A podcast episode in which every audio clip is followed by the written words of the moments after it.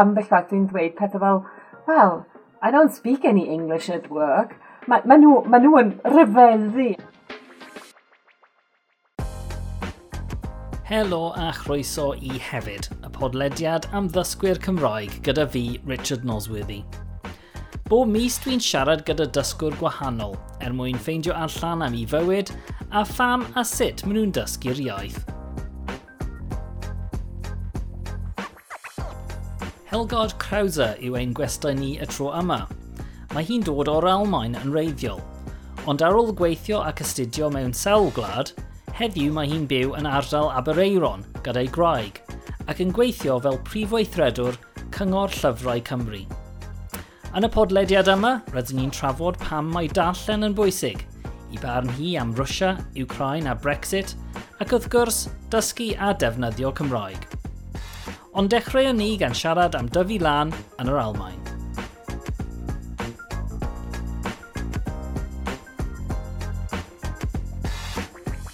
O, oh, oedd yn, oedd yn tre camharol bach, um, um, tipyn bach uh, cefn gwlad mewn ffordd, um, uh, Mae'n ardal harth iawn, so dyn ni wedi treulio lot o amser chwarae tu fas ac mynd i'r fforest am, am hikes gyda, gyda teulu Um, ac, yn, ac, ac wrth gwrs yn, yn mynd i'r Ffrainc yn aml, oedd yn, oedd yn teimlo fel rhan o'r bywyd ac oedd yn peth naturiol i wneud i um, croesi yr, yr ffin ac reid yn y dechrau yn y 70au, of course oedd na ffin, um, dych chi wedi cael ei stopio, pasport yn cael ei checio just i mynd draw. Ac wrth gwrs, um, mae ma hwn yn cyfan gwbl wedi mynd a dych chi yn gallu just, um, chi just gweld y signs a ydych chi'n gweld bod chi'n gadael yr Almaen, Almaen ac, yn, ac yn cyrraedd yn, yn, yn Ffrainc. Wedi dweud hynny, achos mae fforest mawr yn yr ardal ma, mae'r ffin gwyrdd, of course, yn,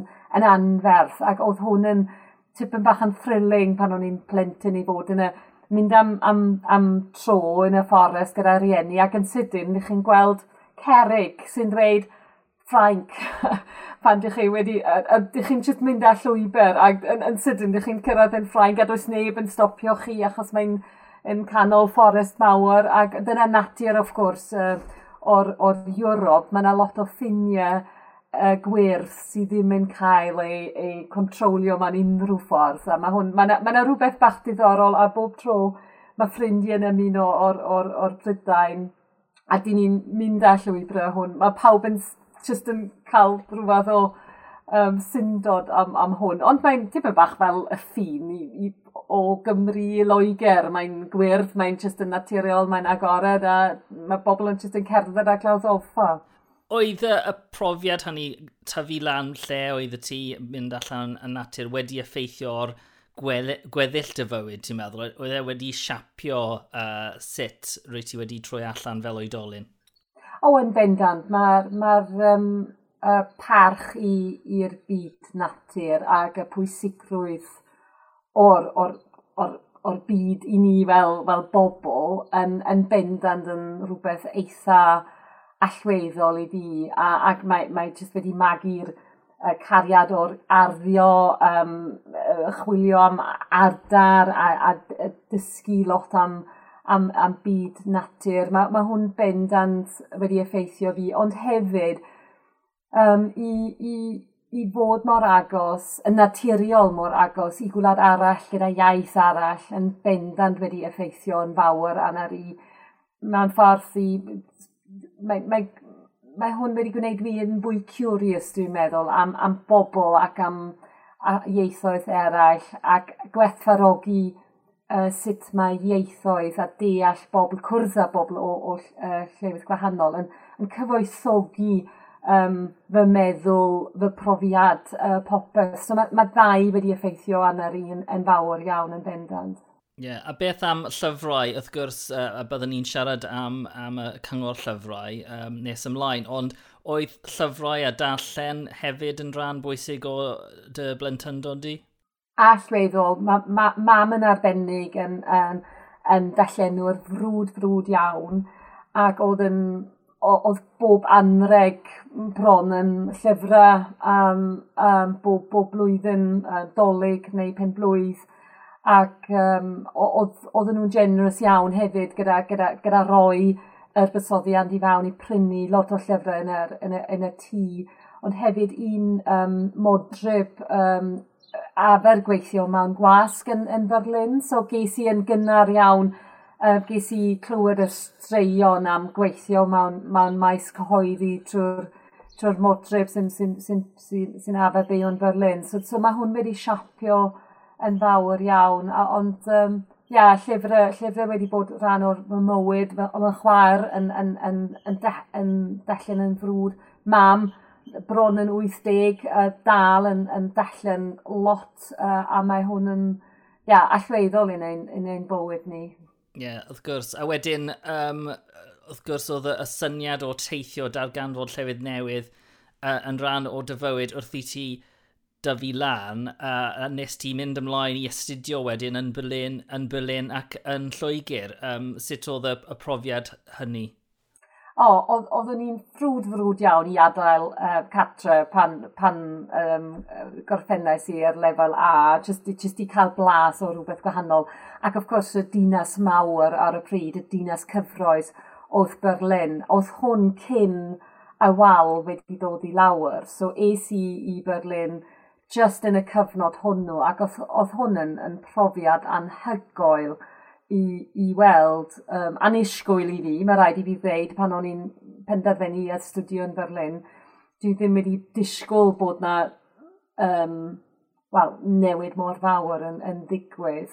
Ac oedd yn profiad wych, oedd yn mor cyfroes ac yn jyst i gweld um, dinas mawr i newid pa mae wal a ddi lawr eto cael cael y mynydiad at, at, at gwlad arall sydd wedi bod dan uh, tu, tu hwnt y wal am, am sbel mor hir, oedd hwn yn cyfroes.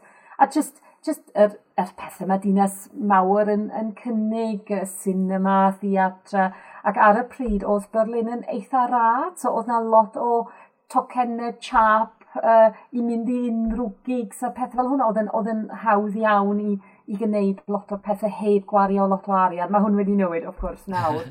um, ond, ia, a, a Loegr eto, oedd yn, oedd yn profiad hollol gwahanol. Mae system prifysgolion yn Lloegr yn, yn eitha gwahanol. Mae yna lot fwy o pwyslais a i fod yn creadigol ac i, i feddwl yn creadigol. Yn yr Almain, mae'r ma, ma, ma astudio i'r gradd BA yn eitha structured ac yn ffurfiol. Mae rhaid i chi gwneud lot o gwaith a profi ac yn ddangos ac yn, ac yn wir yn datblygu eich, eich barn a, ac pan es i i Loegr oedd yna cyfle i jyst yn bod yn tipyn fwy creadigol gan gwneud craff uh, yn llenyddiaeth Saesneg ac dwi wedi mwynhau y ddau profiad achos mae oedd y ddau yn reit gwahanol a ond wedi eto wedi rhoi um, pethau gwahanol i mi.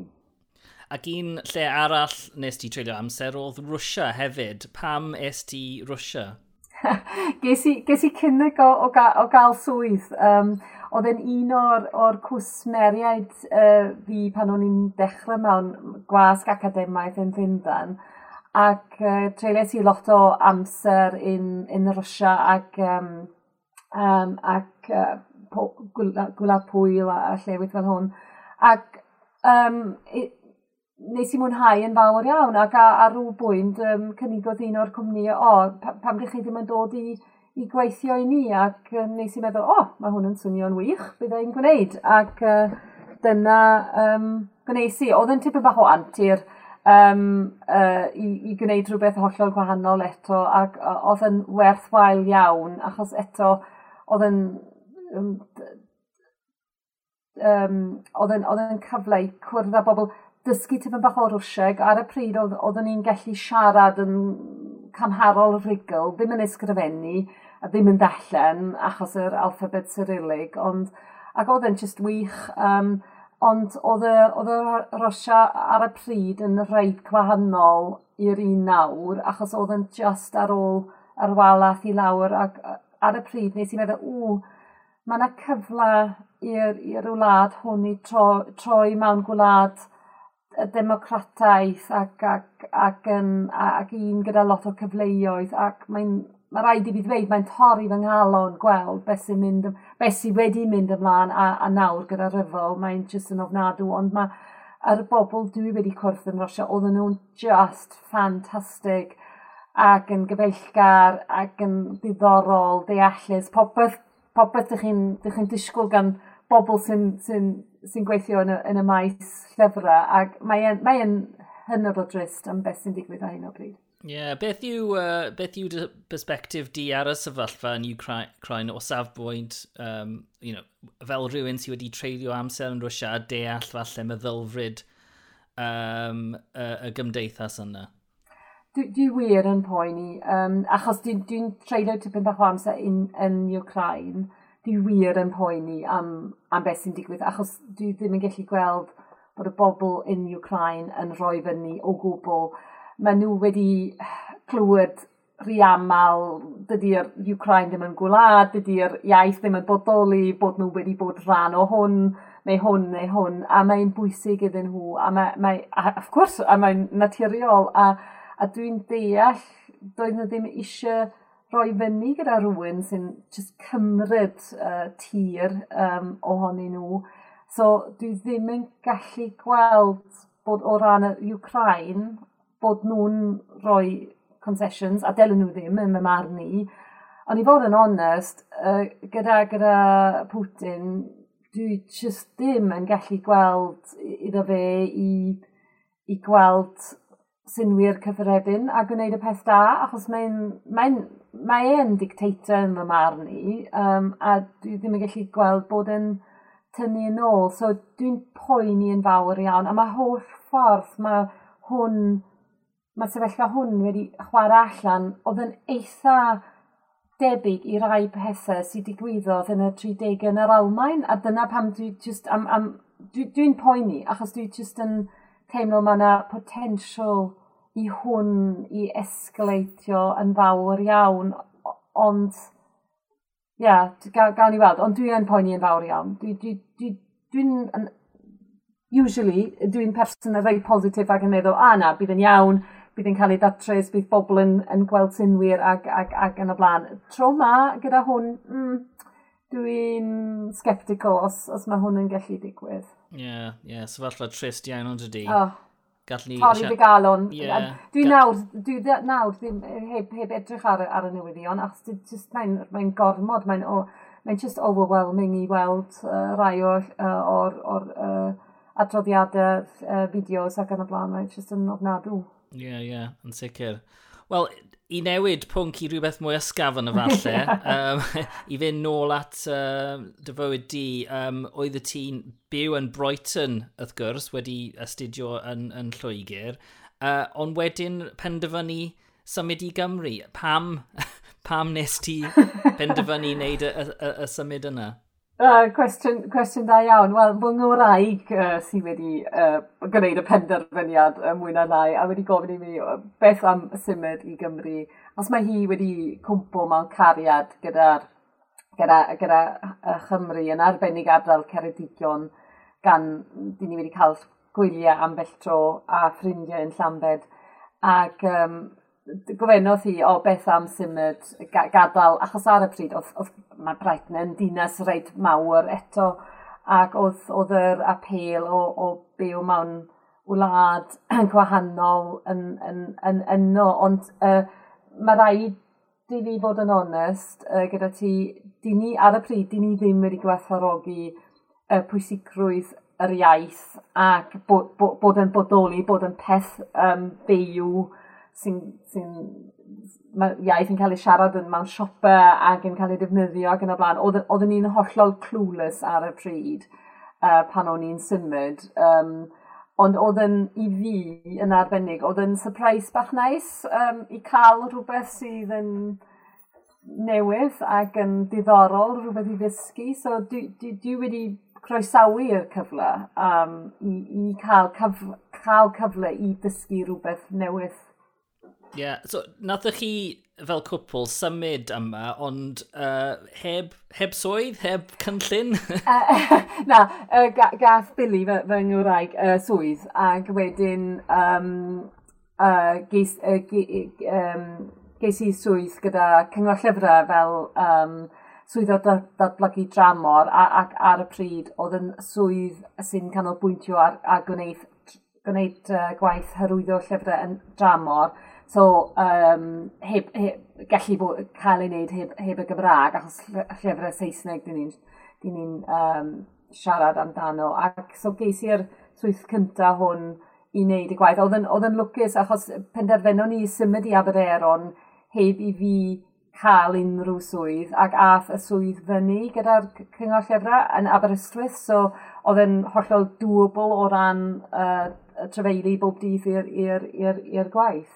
Ie, yeah, felly delfrydol i ti fel rhywun sy'n ymddiddori yn y byd a llyfrau, wrth gwrs, uh, a gweithio yn y cyngor llyfrau.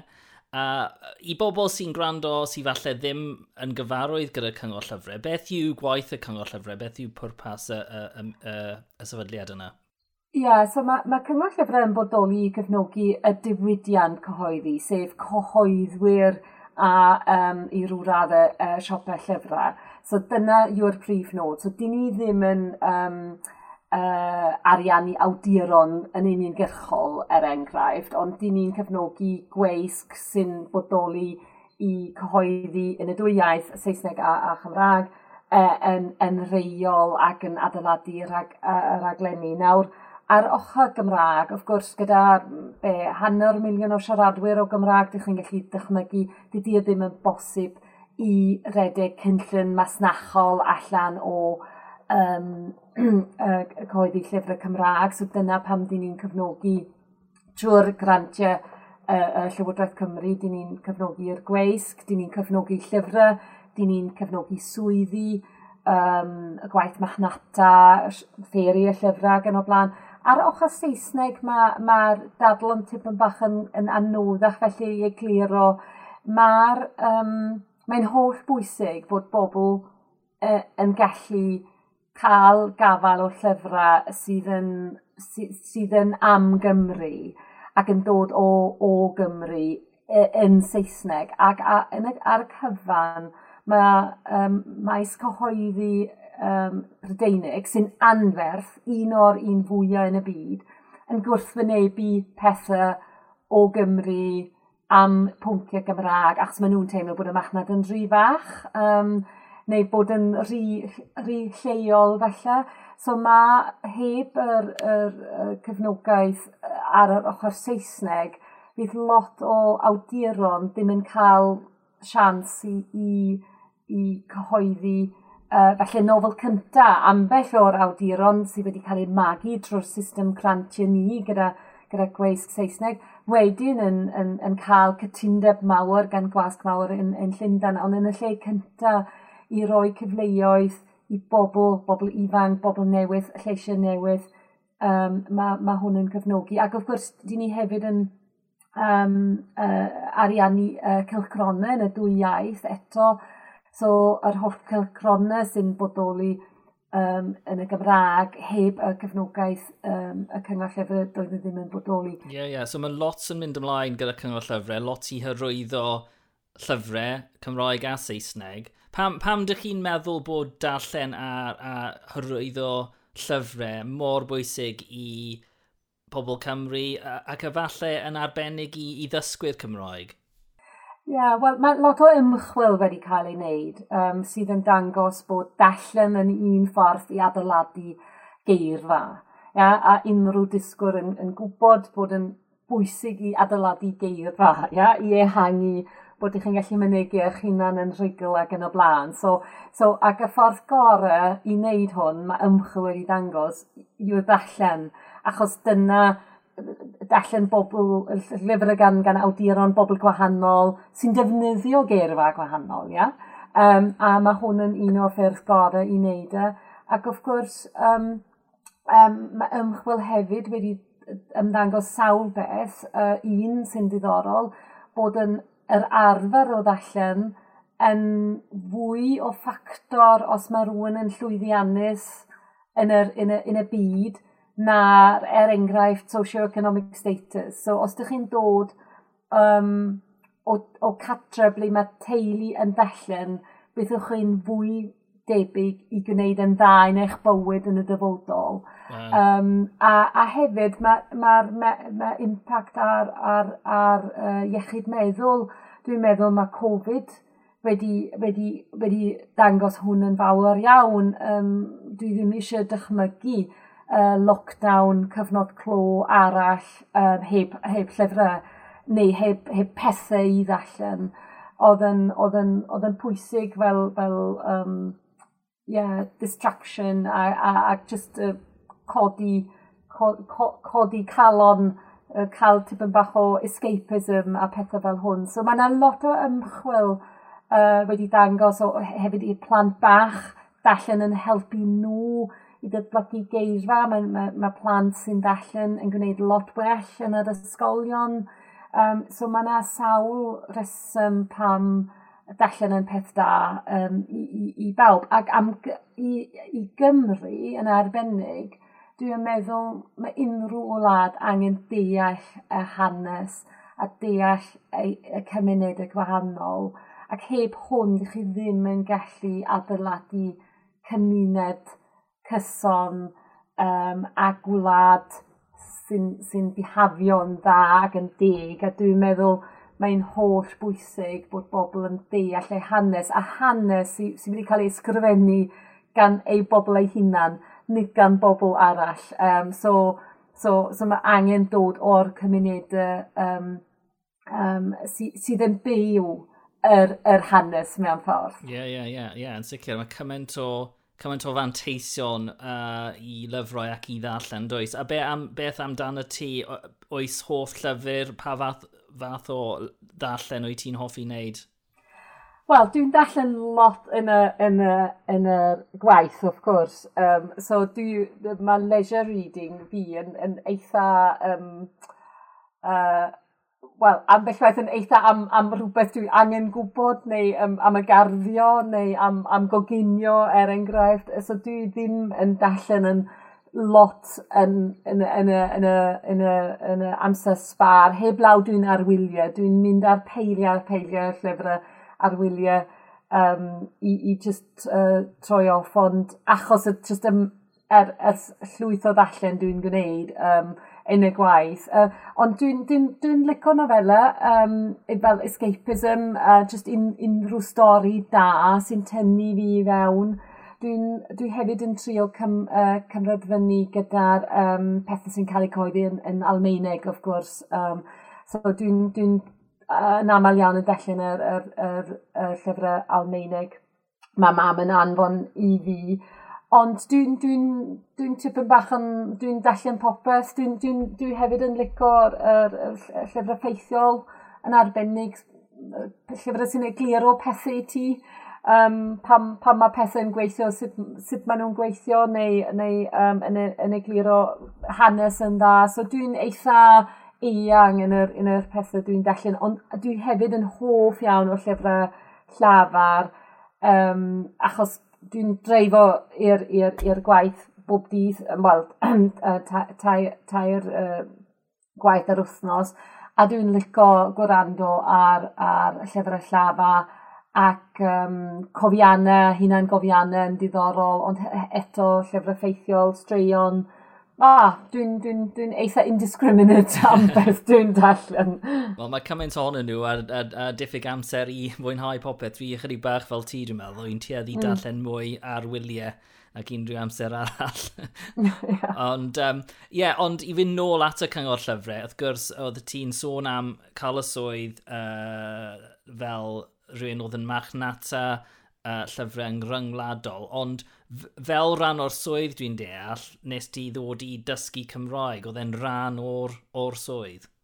Uh, Wel, oedd yn rhan o'r swydd arall, achos pan o'n i'n symud i Gymru, es i o'r gwasg mawr, ble dwi'n redeg um, adran camharol mawr gyda, gyda ugain o bobl, so lot o profiad o ran, ran y diwydiant y Saesneg uh, ar, ar a ar y pryd oedd, oedd na ail strwythero uh, wedi digwydd yn y cyngor llyfrau ac oedd yna swydd o pennaeth um, machnata a gwerthu um, wedi cael eu hysbysebu. So siaradais i a prif weithredwr ar y pryd, Gwerwyl Chris Jones, am y swydd a dweud hi, wel, ia, yeah, of gwrs, mae'n lot o profiad ond beth am y Gymraeg a, a dweud hi, wyt ti'n ti fyny dysgu? A dweud hi, ia, ah, of gwrs, byddai'n fyny.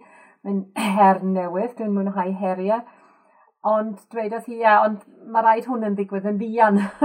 so gofynnais i, wel, pa mor fian, a dwedodd hi tri mis felly. a so um, penderfynais i, i, i ofyn wrth y cyngor llyfrau i roi secondiad i fi i gwneud fy swydd am, am tri mis um, i ddysgu Cymraeg. A chwarae teg iddyn nhw, maen nhw wedi cymryd hwn fyny, wedi rhoi tutoriaid i fi, a ges i gwersi un un yr un uh, bob dydd, 4-5-6 awr ambell, ambell diwrnod gyda dau tutoriaid um, ac uh, oedd yn profiad intens iawn ond es i yn ôl i'r cyngor llyfrau yn digon rhugl i peidio siarad Saesneg yn, yn y gwaith. Nid, nid yn gallu ysgrifennu yn sydd, ond dwi, dwi wedi, wedi dod yn ôl ar y pryd ac es i yn ôl ac gyda rhai o'r gweisg Cymraeg pigas i fyny ar ffôn a jyst wedi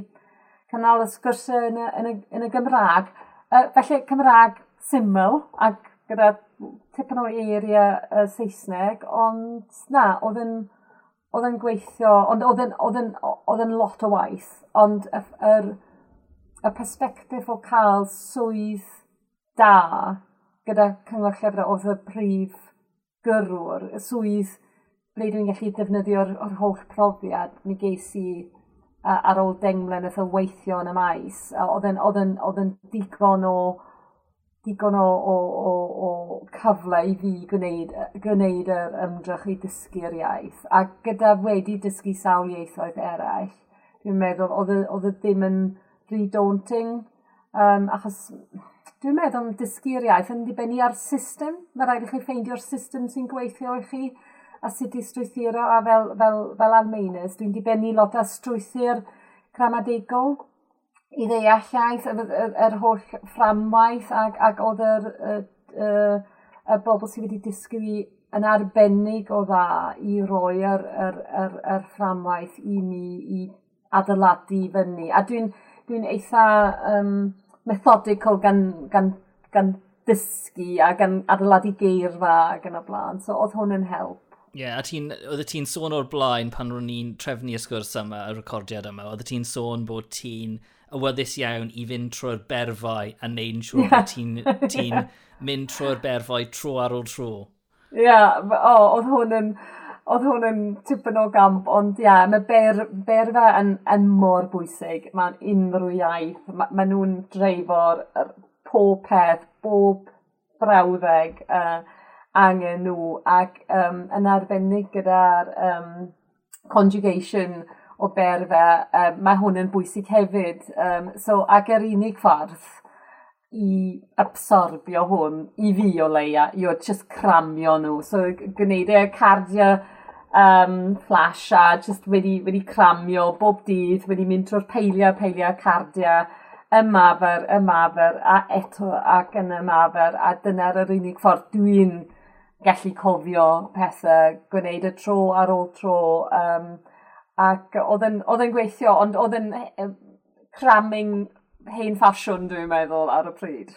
Ie, yeah, ie. Yeah. A fel rhywun sydd wedi teithio'r byd dysgu sawl iaith um, a nawr wedi dysgu Cymraeg, Be, beth yw, sut wyt ti'n gweld y iaith Gymraeg a Cymru a, you know, wrth gwrs mae Rwsieg, Almaeneg, maen nhw'n ieithoedd ma Saesneg, maen nhw'n ieithoedd mawr ond nhw, uh, i ddod mewn i sefyllfa i gymuned Cymraeg iaith llefrifol. Um, ydy hynny yn brofiad gwahanol?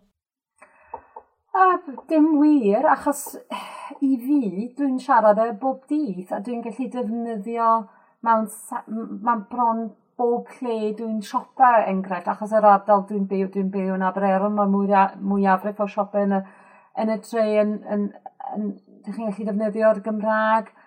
Dwi'n dwi siarad bron dim Saesneg yn y gwaith chwaith. So i fi, mae'n teimlo fel yn hollol naturiol achos dwi ddim yn camharu fe i'r byd allanol.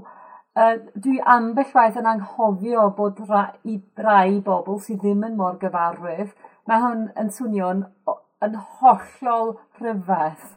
Ia, pan dwi'n cwrdd â bobl o Lundain sydd felly yn rhedeg elusennau eraill sy'n sy ymwneud am llyfrau ac, ac ambell waith dwi'n dweud pethau fel, well, I don't speak any English at work.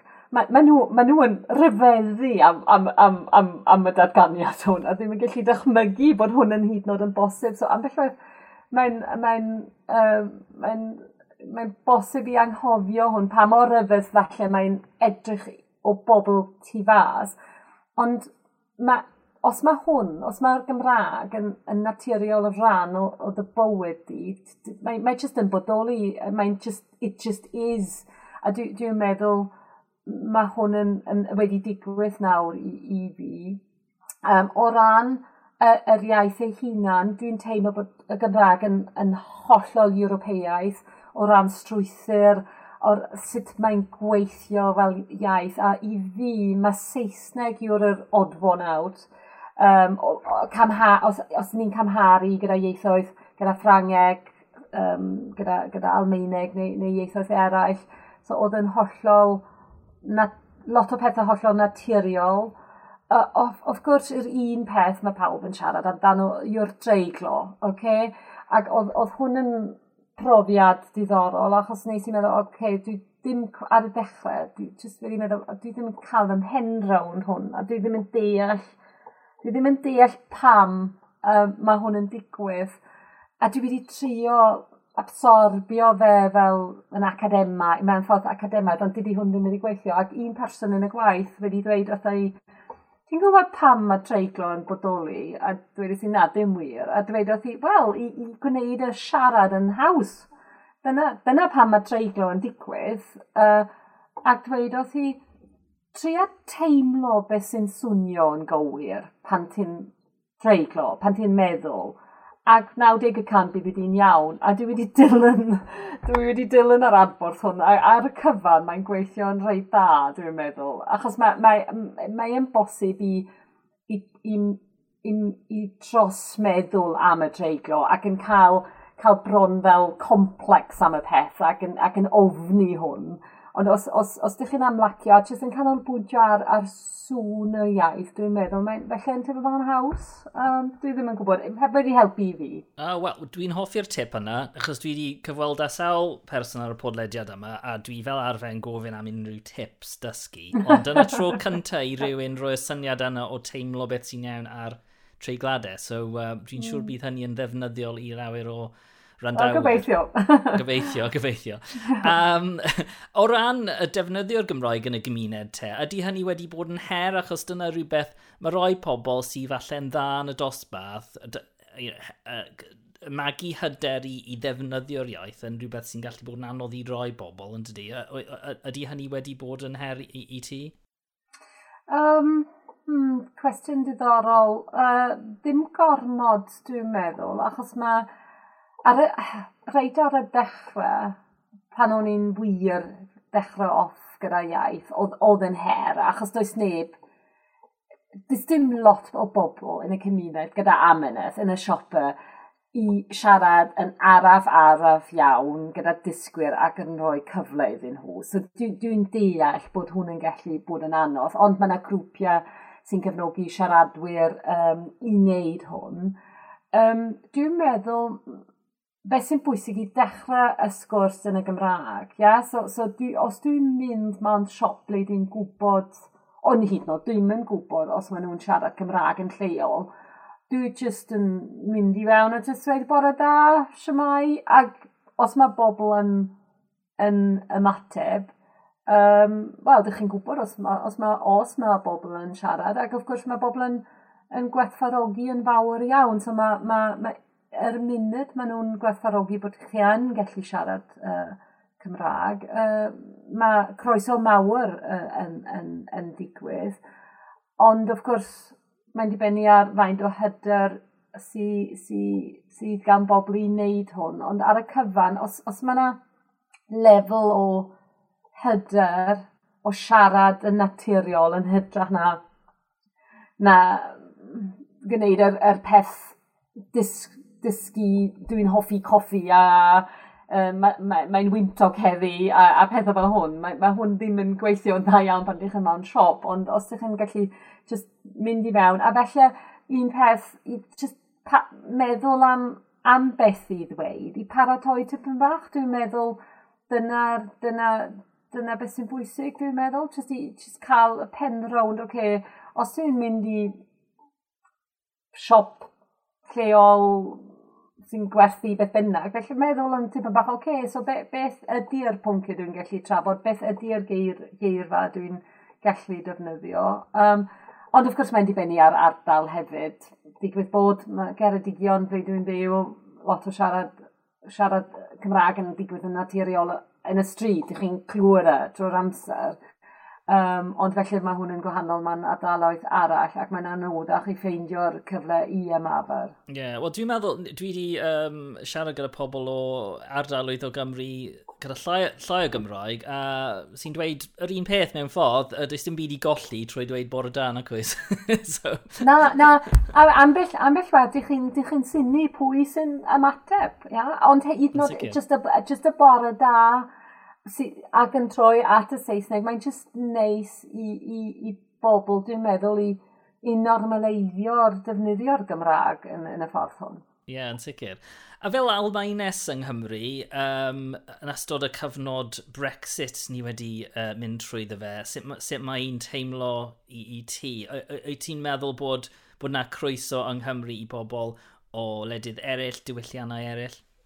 O, yn bendant. O ran fy profiad, ges i croes, croeso mawr, ac mae hwn yn cynnwys fy ngwraig fel um, um, Saesnes, y gath hi uh, croeso mawr hefyd yn y cymuned uh, pan dechreuodd hi gweithio. A mae hi yn di Gymraeg, mae ma rhaid i fi ddweud, ond yn di Almeinig hefyd. So, um, na, di ni wedi, uh, y ddwy ohono ni wedi, wedi cael croeso cynnes a, a mawr, a dwi yn teimlo mae yna traddoddiad o croesawu bobl uh, i, i Gymru, yn arbennig yn y cymuned Cymraeg, dwi'n meddwl. Mae ma, ma, ma nhw'n... Mae yna ma, ma teimlad o, o, o bod, bod, bod ieithoedd gwahanol yn werthwael bobl o'r, or, or, or cymunedau arall yn diddorol. Dwi'n meddwl mae yna traddodiad cryf yng Nghymru i fi yn personol, mae ma Brexit wedi wir wedi torri fy nghalon yn, yn cyfan gwbl. Dwi'n dwi, meddwl oedd yn cam cymeriad anferth i'r wlad a sawl reswm, a dwi ddim ond, ddim ddim ond yn siarad am yr ochr economaidd, mae, mae hwn yn amlwg. Ond o ran yr hyn dyn ni'n rannu fel bobl, yr holl hanes dyn ni'n rannu, y diwylliant Ewropeaidd dyn ni'n rannu ac y mynydiad i, i bobl ifanc. Er enghraifft, yr, beth gwneis i i ddod i, i Brydain i um, astudio, ia, dwi yn gallu gwneud e. Mae'n mae lot, lot fwy gostus nawr, achos dydy Brydain ddim yn hellach yn rhan o'r ffioedd Ewropeaidd. Ond y peth pwysica wedyn, ar ôl gwneud gradd, does dim hawl gyda myfyrwyr i ffeindio swydd. Chi'n gweld? So bydd fy holl bywyd fi nawr yn hollol, hollol gwahanol. Does na ddim cyfleoedd i bobl fel fi i dod i, i, i Gymru a gyda, gan gwybod, oce, okay, dwi'n gwneud gradd a mae yna sians bendant uh, i fi i gael swydd wedyn. A dwi'n meddwl bydd hwn yn, yn anffodus yn, yn, yn disincentifize uh, bobl i, i, i ddod i, i, i ni. A dyn ni angen bobl i ddod i ni fel y wlad, i cyfoethogi o ran sgiliau, o ran outlook a, a pethau fel hwn. So, So ar, ar sawl lefel mae ma Brexit uh, yn, yn, yn cam, camgymeriad anferth a dwi ddim yn dechrau gyda'r uh, gogledd Iwerddon o gwbl achos mae hwn yn, dyn ni angen podleiad arall i trafod hwn ond mae hwn yn disaster um, yn cyfan gwbl disaster iddyn nhw um, ond ia, yeah, mae, mae jyst wedi gwneud fi mor trist, um, mae rhaid i fi ddweud. Dwi'n, a dwi dal yn teimlo'n eitha cryf am hwn, mae rhaid i fi fod yn onest. Wyt ti'n meddwl, edrych at y dyfodol, wyt ti'n meddwl, be, be dylen ni wneud i wneud yn siŵr bod cyfleoedd yn bodoli i bobl i uh, croesi ffiniau, ffiniau Ewrop, dysgu am diwylliannau gwahanol, cael, cael y math o brofiadau ti wedi wneud. Wyt ti'n meddwl bod unrhyw um, unrhyw beth gallai pobl ifanc, uh, pob, well, pobl yn gyffredinol wneud uh, i wneud yn siŵr bod ni'n uh, rannu, uh, rannu'r cyfleoedd yna. Ie, yeah, dwi'n dwi meddwl mae ma Llywodraeth Cymru wedi, wedi gwneud sawl beth da uh, i gyfnogi a ble mae'r ma, ma gwaith uh, wedi datganoli. Of gwrs, maen nhw'n gallu penderfynu um, uh, sawl beth a dwi'n dwi meddwl i, i, i magu uh, cysylltiadau agos rhwng ysgolion, rhwng prifysgolion, um, yn, yn, yn holl bwysig. Mae, mae gwaith yr urdd yn gwneud yn holl bwysig yn y cyd-destun, i mestyn allan. A, a, a felly um, mae yna ma na, ma na rôl i, i grwpiau cymunedol i, i, i helpu yr cysylltiad. Uh, dwi'n meddwl ar rŵ lefel, mae yn hefyd yn, yn hawdd uh, haws nawr i wneud achos y Covid. Mae ma bobl yn, yn ymuno pethau trwy'r Zoom ac yn cael blas, clywed pethau, er enghraifft, mae ma lansiadau ar-lein, mae yna rai bobl yn ymuno o Siapan i, i, i, i darganfod rhywbeth. Uh, so, so mae ma, ma, ma, ma Zoom a, a pethau hybrid yn cynnig rhywbeth, ond wrth gwrs mae yna ma ansawdd gwahanol pan, pan, pan bobl yn, yn gwrthwyneb i wyneb, a dwi'n gobeithio bydd yr ysgolion yn gwneud yr ymdrechion i fynd i ymweld gwleidydd eraill fel y rhan o'r ysgol bod yr plant ble mae teuluoedd ddim yn gallu fforddio i wneud hwn yn cael y cefnogaeth i wneud e ac bod felly rhan o'r brifysgolion bod na Cymru yn gallu dod fyny gyda systemau sy'n sy gallu helpu myferwyr i, i aros ac i, i, i ffeindio swyddi ar ôl maen nhw wedi astudio yma. Ie, yeah, ie. Yeah. Wel, yn bendant, um, Helgar, ti wedi dangos sut mae uh, croesi ffiniau yn cyfoethygu bywydau personol a, a, cym, a cymdeithas uh, ni yng Nghymru ac ar draws y, y, y cyfandir hefyd. So, um, yeah, dwi'n gobeithio bydd y stori yn ysbrydoli pobl eraill. A diolch yn fawr am siarad gyda fi heddi. Na, diolch Richard, oedd yn bleser trafod popeth gyda ti heddi.